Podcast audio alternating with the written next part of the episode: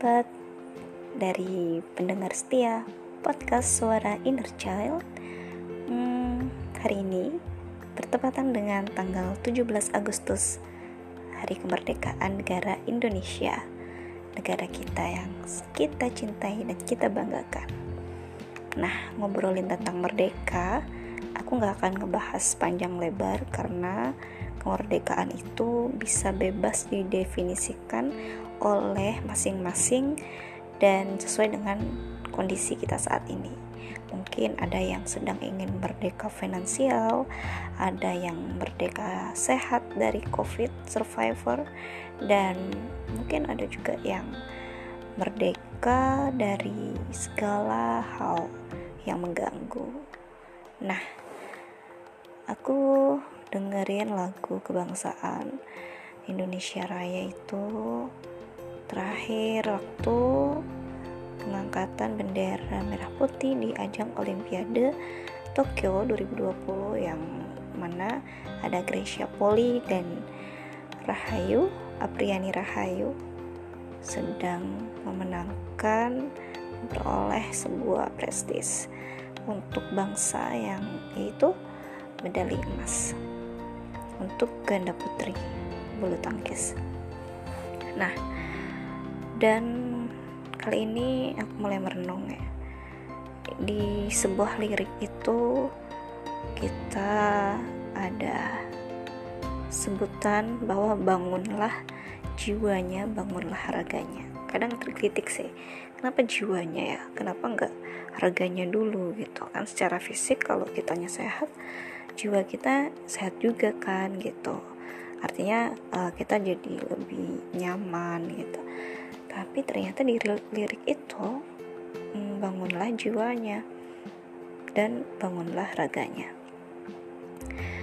Kenapa jiwanya ada di depan gitu? Setelah aku pikir panjang ternyata yang namanya jiwa itu memang sangat mempengaruhi pola pikir dan tindakan kita ya.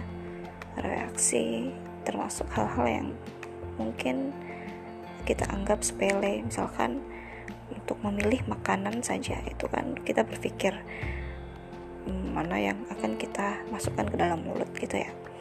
Nah jadi jiwa itu sangat ber, apa ya tepat gitu untuk diletakkan di depan. Ngobrolin tentang jiwa aku jadi kepikiran tentang merdeka jiwanya. Jadi merdeka jiwa ini artinya menurut aku hal-hal yang mungkin pernah melukai jiwa kita membuat kita terpuruk membuat kita sedih atau hal-hal yang membuat kita ya kurang percaya diri bisa jadi itu akan membangun jiwa kita. Nah kita nggak akan pernah merasakan sukses bahagia hmm, bersyukur gembira jika kita tidak pernah melalui hal-hal yang pahit artinya jiwa yang kuat artinya dia akan memerdekakan diri dari hal-hal yang membelenggu. Dan hal yang pahit itu bisa dicerna bagaikan obat gitu ya. Obat itu kan pahit tapi dia menyembuhkan.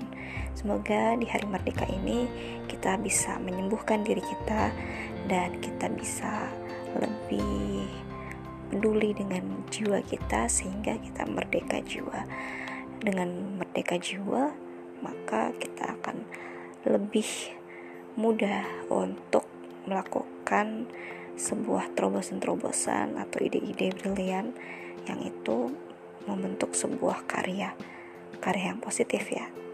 Dan pastinya kita termasuk orang-orang yang memiliki jiwa yang besar, lebar, dan tak terkungkung oleh sebuah persepsi atau definisi semata. Bikin definisi sendiri dan ceritakan jiwamu, merdekakan dirimu. Dari sinilah kita akan berdaya. Selamat Hari Kemerdekaan 17 Agustus. Terima kasih teman-teman. Bye.